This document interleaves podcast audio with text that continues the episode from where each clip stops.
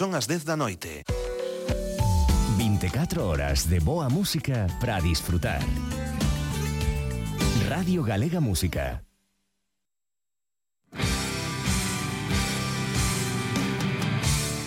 Cara B, con Manuel de Lorenzo.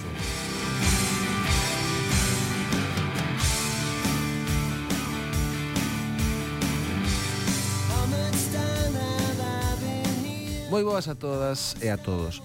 Que complicado é eh, montar unha banda, eh? Quero dicir, en canto a adecuada elección dos seus militantes. É certo que ás veces non, ás veces ocorre o milagre, os, os individuos que fundan un grupo son os mesmos durante toda a súa trayectoria, sen cambios, pero polo xeral, dende os primeiros meses de vida dunha nova banda, ou mesmo eh, durante os primeiros anos hai unha especie de baile, non? De intercambio de pezas como unha coreografía onde uns saen, outros entran, algúns se escinden para formar outros proxectos, os restantes eh, fusionanse con outras formacións e resulta así un grupo distinto eh, no que pode ser que mesmo algún músico eh, saia ou entre ou que volva alguén dos que se marcharon antes, etc. Pero chega un momento en que todo parece encaixar, non? Como un engrenaxe ben deseñado e a cousa comeza a funcionar nese grupo, polo menos durante algún tempo, porque co paso dos anos, especialmente se, se o éxito premia a ese grupo, pode ser que comecen a darse situacións imprevistas que debiliten a formación, circunstancias que debiliten os lazos de unión entre os membros do, do grupo ou que, ou que alteren ese engrenaxe que tempo atrás resultou funcionar como un reloxo. E eses momentos son cruciais para calquera banda porque eh, provocan a incerteza de saber se, a pesar da adversidade, eh, o grupo vai sobrevivir ou non. Mm? Eh, moitos grupos non o logran, eh, despois deses tropezos, que ás veces son letais, claro, desaparecen. Eh, outras veces quedan tocados para sempre, pero algunhas destas bandas conseguen resucitar das súas propias cinzas e manterse no lugar que un día eh, no que un día se atoparon, non sendo capaces de, de continuar coa súa trayectoria e mesmo de seguir acadando cada vez máis éxitos a pesar deses tropezos. Pero hai un caso concreto dun grupo eh, que logrou revivir tres veces. Pasoulle isto tres veces, tres veces foron as que morreu e tres veces foron as que resucitou, non? Hubo tres momentos na súa carreira nos que calquera outro grupo seguramente tiraría a toalla, separaríase e cada un dos seus membros dedicaríase a outra cousa, pero eles non. Eles foron quen de tocar fondo, coller impulso e continuar. Estou a referirme aos pais do rock electrónico. Estou a falar dos británicos de Patch Mode.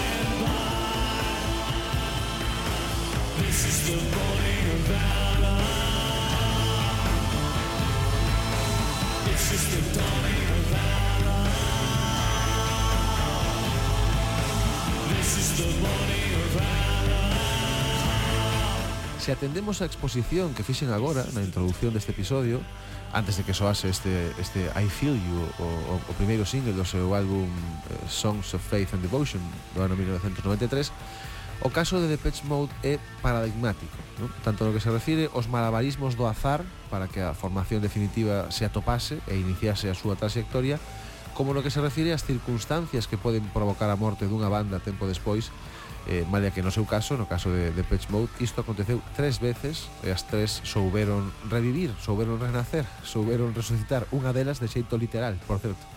Agora imos con iso, da morte literal. Antes teño que explicar eh, o que tivo que pasar para que The Patch Mode aparecese no, no panorama, non? Porque foi un puzzle considerablemente complexo. Eu, eu vou volo resumir, pero primeiro, eh, a modo de contexto, é necesario explicar que isto aconteceu nos derradeiros anos da década dos 70, na cidade de na cidade de Basildon, no Reino Unido, onde naquel tempo había unha escena musical moi viva e moi fecunda, había grupos formándose por todas partes, unha gran cantidade de, de bandas, especialmente tendo en conta que se trata dunha cidade pequena, non?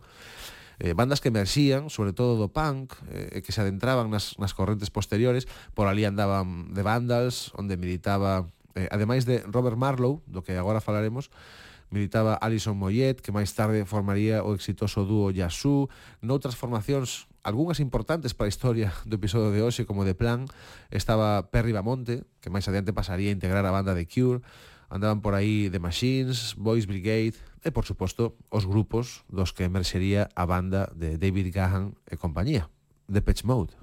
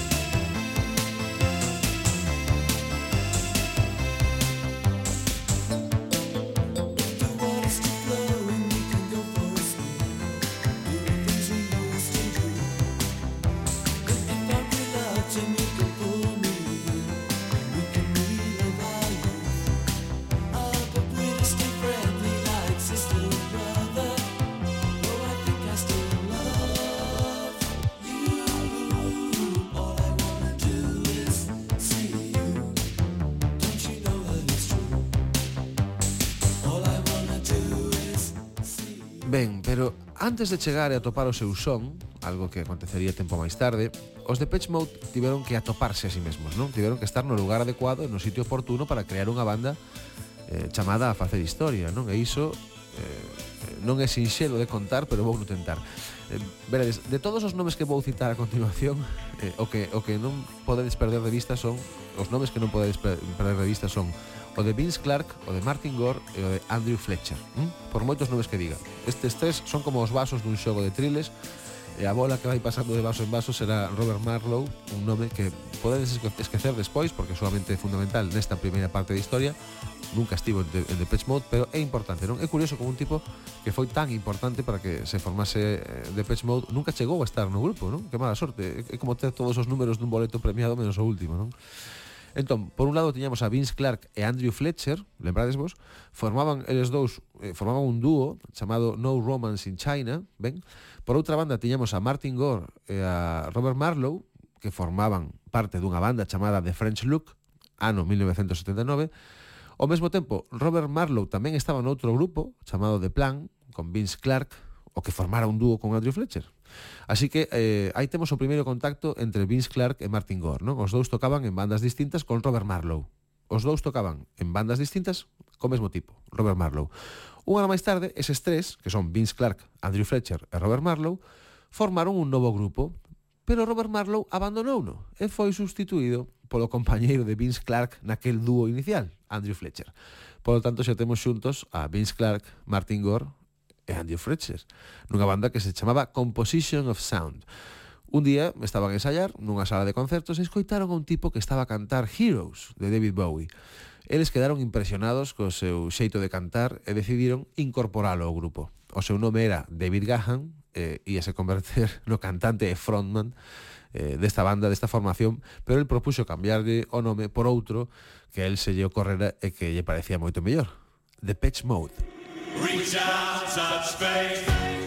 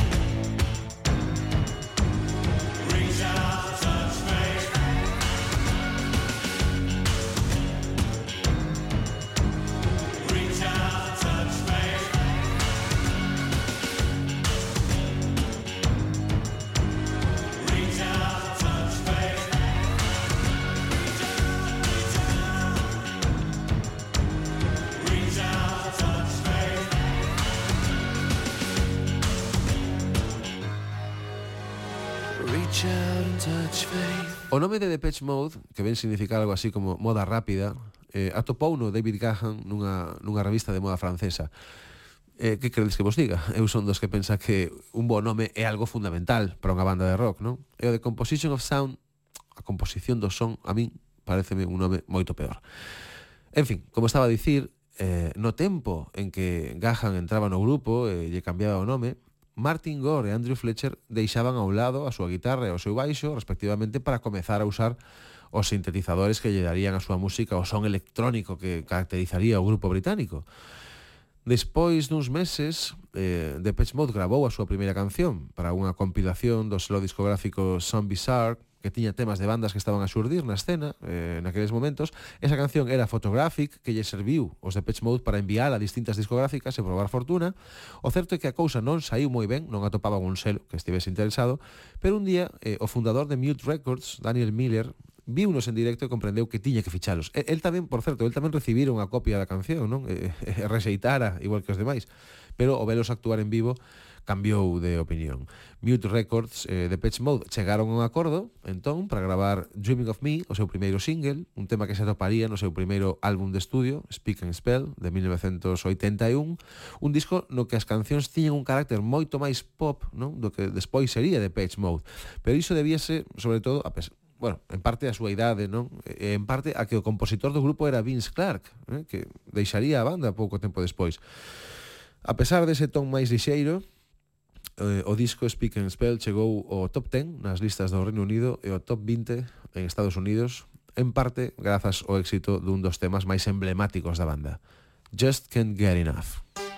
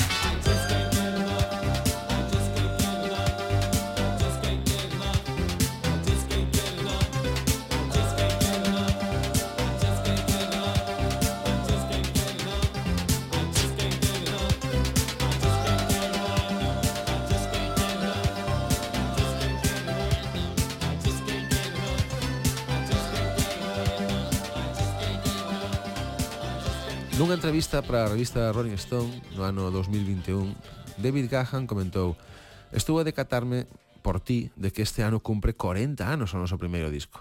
Non caera na conta, grazas por lembrarme que son tan bello. Pasou tempo, e lembro a grabación e o proceso con todo detalle, como se fose onte, sabes? Martin e Fletcher seguían co seu traballo durante o día e eu estaba a facer outras cousas. Penso nese tempo con cariño. Foron bons tempos. O que pasou despois dese disco foi que Vince Clark abandonou The Patch Mode. Martin Gore contaba que un día eh, Vince Clark achegouse a él e dixo non creo que isto sexa algo que eu queira facer. Mais adiante Vince Clark formaría parte de outros proxectos de éxito como Yasu, The Assembly ou Erasure, pero no ano 1981 aínda non estaba seguro de ser quen de soportar a fama. Non? El mesmo dixo, éramos moi novos e moi afortunados e as cousas sucederon moi rápido para nós eh, non, non penso que fósemos realmente maduros para manexar a situación. E aí chegou a primeira morte de The Page Mode, un grupo no que o azar interviñera para atopar a formación definitiva, a formación correcta, que despegara con toda a potencia que estaba no camiño adecuado e de súpeto eh, abandonado polo integrante que facía as cancións. Non? O normal é que calquera banda nesa situación se separase. O normal é que calquera outro grupo do que se marchase o membro que escribe as cancións morrese. Non? Pero este non ia ser o caso de Depeche Mode. Mm, din que todo ten solución menos a morte, pero para eles a morte tamén ten unha saída, non? A resurrección.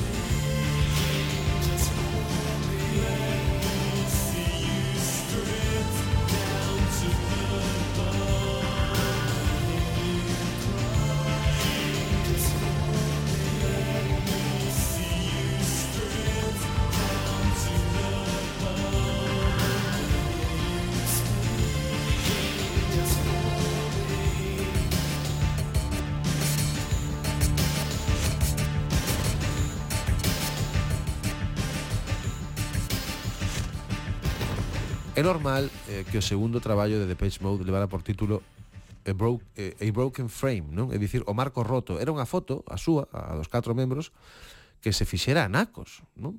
Pero precisamente por iso o seu seguinte álbum levou por título Construction Time Again, traducido Tempo de Construcción outra vez, porque o grupo, o grupo tiña que refacerse, non tiña que seguir adiante. A solución pasou por outorgarlle a Martin Gore a carga da composición das cancións. E resultou que se lle daba moi ben, resultou que era moi bo, non? É certo que os temas de Vince Clark eran máis luminosos, non? Como antes comentábamos, pero este novo ambiente escuro das cancións de The Page Mode serviulle á banda para topar o seu son definitivo, non? Resulta que eles querían soar así, eles soaban así, The Page Mode era iso.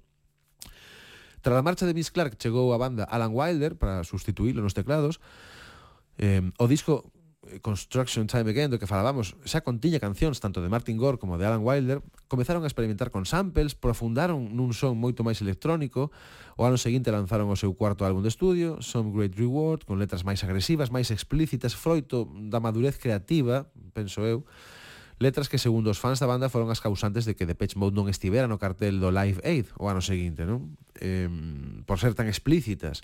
Martin Gore ten falado en algunha ocasión disto, eh, aínda así, sobre o rexeitamento da banda de cara aos concertos benéficos. Abro comiñas. Se estas bandas realmente se preocupan tanto, deberían simplemente doar o diñeiro e xa está. Por que non poden facelos en toda esa exaxeración que os rodea? Mm, é un punto de vista interesante este. Nese disco atopábase o tema People are People, que foi usado como tema principal na emisión en Alemania dos en Alemania occidental, claro, estamos a falar dos anos 80 eh, dos Xogos Olímpicos. Non? Eh, esa canción deulles o seu primeiro número un a nivel mundial. A revista Bravo, a revista alemá Bravo, a súa canle de televisión convertéronos en ídolos e mesmo chegaban a inventarse historias sobre eles. Non? Andrew Fletcher explicaba, non servía nada, non servía de nada falar con esa revista. Eles seguían adiante e inventaban todo de todos os xeitos. A última vez que recitamos unha entrevista con eles, continuaba dicindo el, inventaron unha historia sobre Dave, sobre o cantante, eh, tendo que ser levado fora do escenario despois de cada concerto, trasladado a un camerino illado e mantido con constantes fluidos. A, derre, a derradeira vez que dixeron que o, eh, a, perdón, a derradeira vez dixeron que odiábamos a todos os menores eh, de 20 anos, algo que nos fixo moi populares entre os seus lectores, non? en fin, e todo grazas a esta canción, People are People.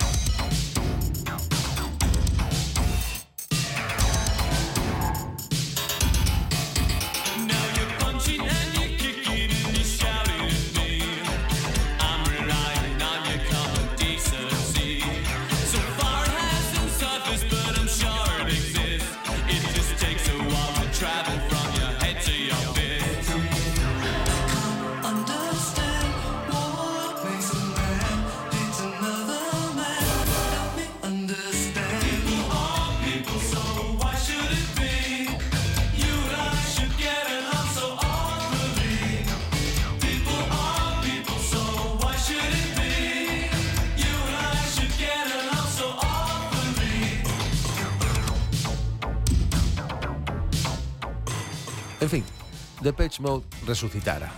O grupo soubo renacer tras a marcha de Vince Clark.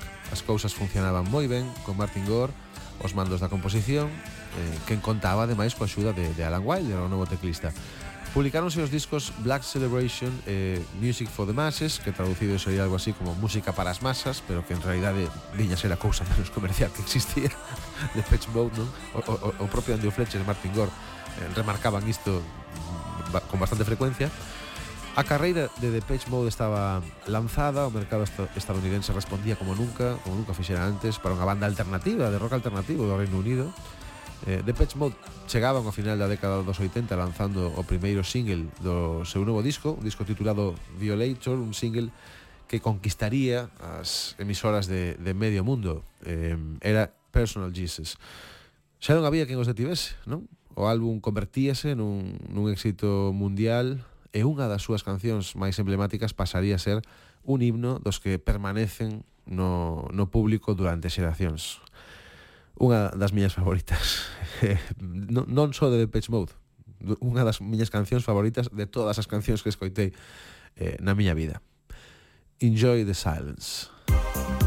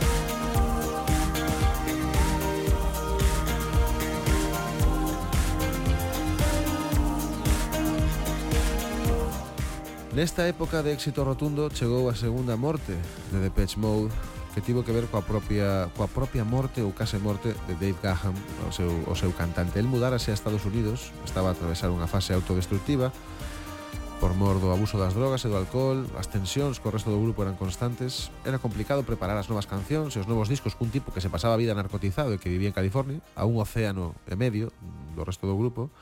A xornalista española Silvia Grijalva contaba nun artigo para el país que mm, cando ela o entrevistara neses inicios dos anos 90 era como falar cun zombi, non? O tipo realmente non se atopaba ali, estaba ido, ata o punto de que ela non sabía como facer para sacar adiante a entrevista, o sea, que ni sequera contestaba, eh, ela comentara que era unha que foi unha das entrevistas máis duras da súa vida, explicou que ao final díxolle a Gahan, mire, eu vou facer preguntas, se vostede non as contesta, inventarei eu as respostas. E foi así como David Gahan volveu en sí e comezou a falar, non? Pero as cousas a nivel persoal marchaban cada vez peor, Eh, eh, no ano 1995 tentou quitarse a vida, afortunadamente sen éxito, consumía compulsivamente heroína e cocaína, chegou a sufrir infartos en directo no escenario, e pouco despois eh, estivo literalmente morto durante dous minutos. Corría o ano 1996, eh, David inxeriu unha mestura letal de drogas no hotel onde se aloxaba, Foi levado a un hospital e ali tivo unha parada cardiorrespiratoria que durou dous minutos. O corazón parouselle dous minutos. Non? Os médicos pensaron que non, que non revivía, pero fixo. Tempo despois relataría o que sentiu ou o que creu sentir neses instantes, dixo. O que notei no hospital foi que saíra do meu corpo. Estaba a flotar no teito e observaba exactamente o que ocorría. Gritei que non estaba deitado ali abaixo, convertime nunha testemunha do que lle pasaba ao meu corpo. Estes segundos pareceron horas para mí, no medio da nada, había unha escuridade completa e terrorífica ao meu redor, como se alguén apagara a luz. En fin, cando despertou, estaba esposado pola posesión de narcóticos e nada máis recuperarse foi levado ao cárcere. Era moi difícil para unha banda como The Pitch Mode seguir adiante cun líder que camiñaba no bordo do precipicio.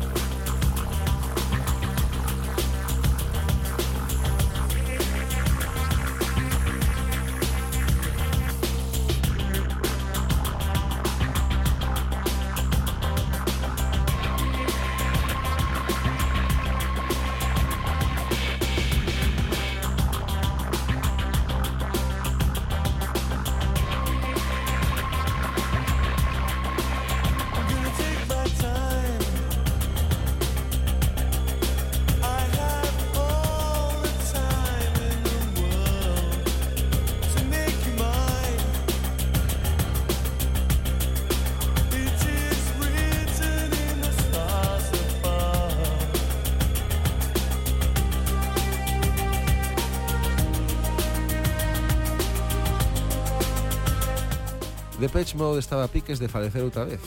En, en palabras do propio Dave Gahan do ano 2005, abro comiñas, o que realmente sentín foi unha abafadora sensación de que o que fora que me estaba a facer a min mesmo estaba claramente mal e todo o que realmente vía era negro, estaba perdido.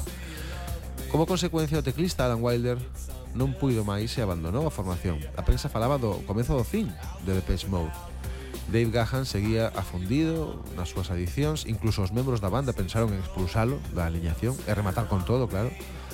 Pero de súpeto un día, grazas a unha advertencia das autoridades de Estados Unidos que implicaba o risco de ser deportado do país no que residía e no que tiña a súa familia, David Gahan accedeu a entrar nunha clínica de rehabilitación e reviviu, logrou revivir, logrou sair desa escuridade, non dese pozo de autodestrucción no que se atopaba. The Mode publicaron outro disco Ultra, que foi un éxito comercial e, e de crítica, eh, malla que non houbo xira de promoción, posiblemente para non tentar ao demo, non? E, e como se se tratara dun feitizo, despois de pasar por unha morte literal, e, e, e polo tanto a segunda morte de Depeche Mode, a banda volvía a estar no camiño correcto, non? E, e, e ali seguirían durante moitos anos máis.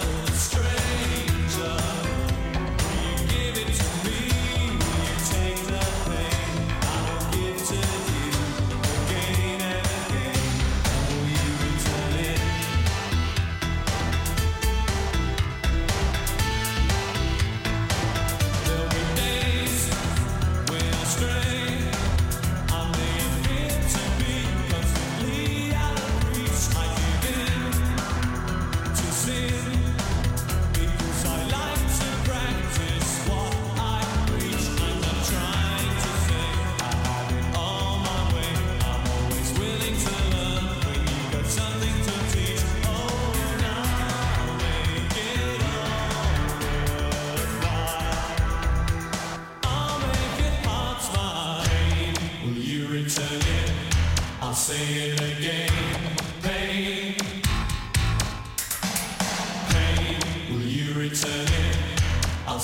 it again.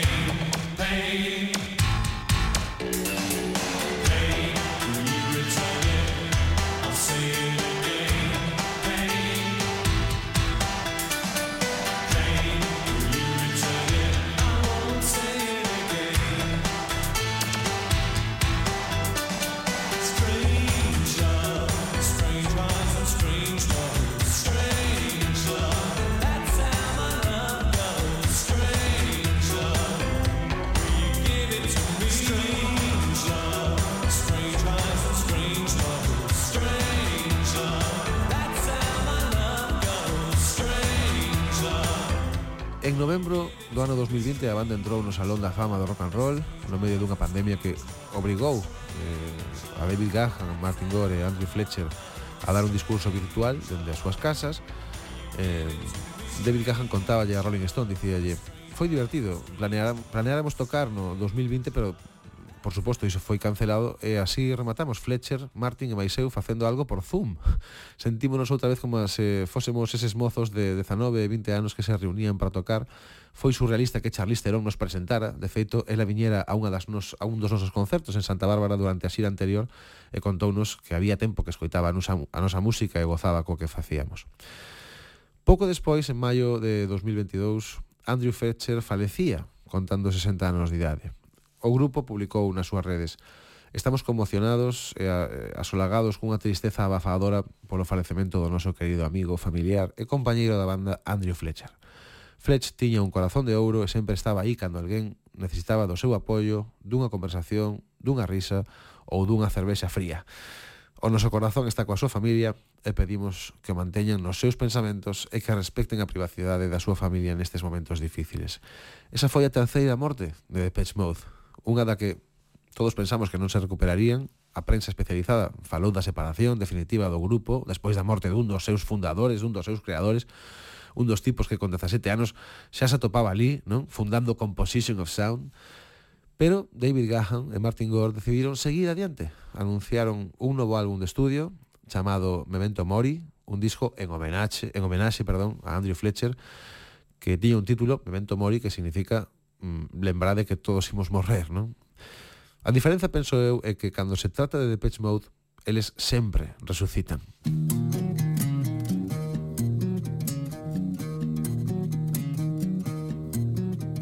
As your bony fingers close around me, long and spindly death becomes me. Heaven, can you see what I see? Hey, you pale and sickly child, you're deaf and living reconciled. Walking home a crooked mile. Paying debt to karma, your body for a living. What you take won't kill you, but careful what you're giving.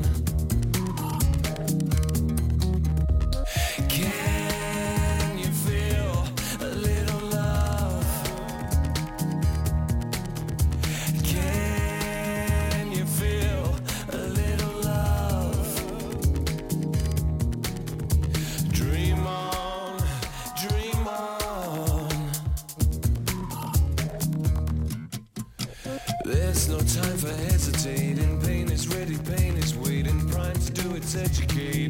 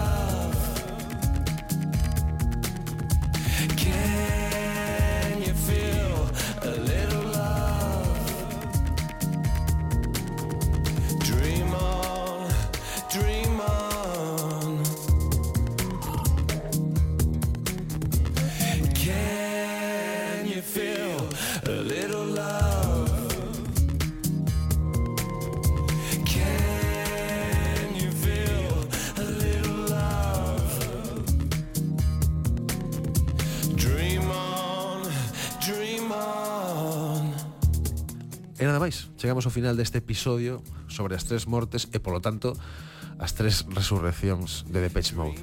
Agardo que vos gustara tanto como a nós, este, esta historia, este relato que como sempre tentou tentou profundar na parte de atrás da historia da música, na parte menos coñecida, meténdonos entre bambolinas para entender mellor como se forxan os mitos do rock. Para nós foi un placer traervos esta historia ata, ata este espazo no que se alternan iso, os vos relatos e as grandes cancións. Así que esperamos por todos vos a vindeira semana noutra entrega de Cara B e non esquezades buscarnos na plataforma radiogalegapodcast.gal ou en Spotify ou no resto de plataformas onde podedes atopar todos os nosos episodios. Coidadevos moito. Música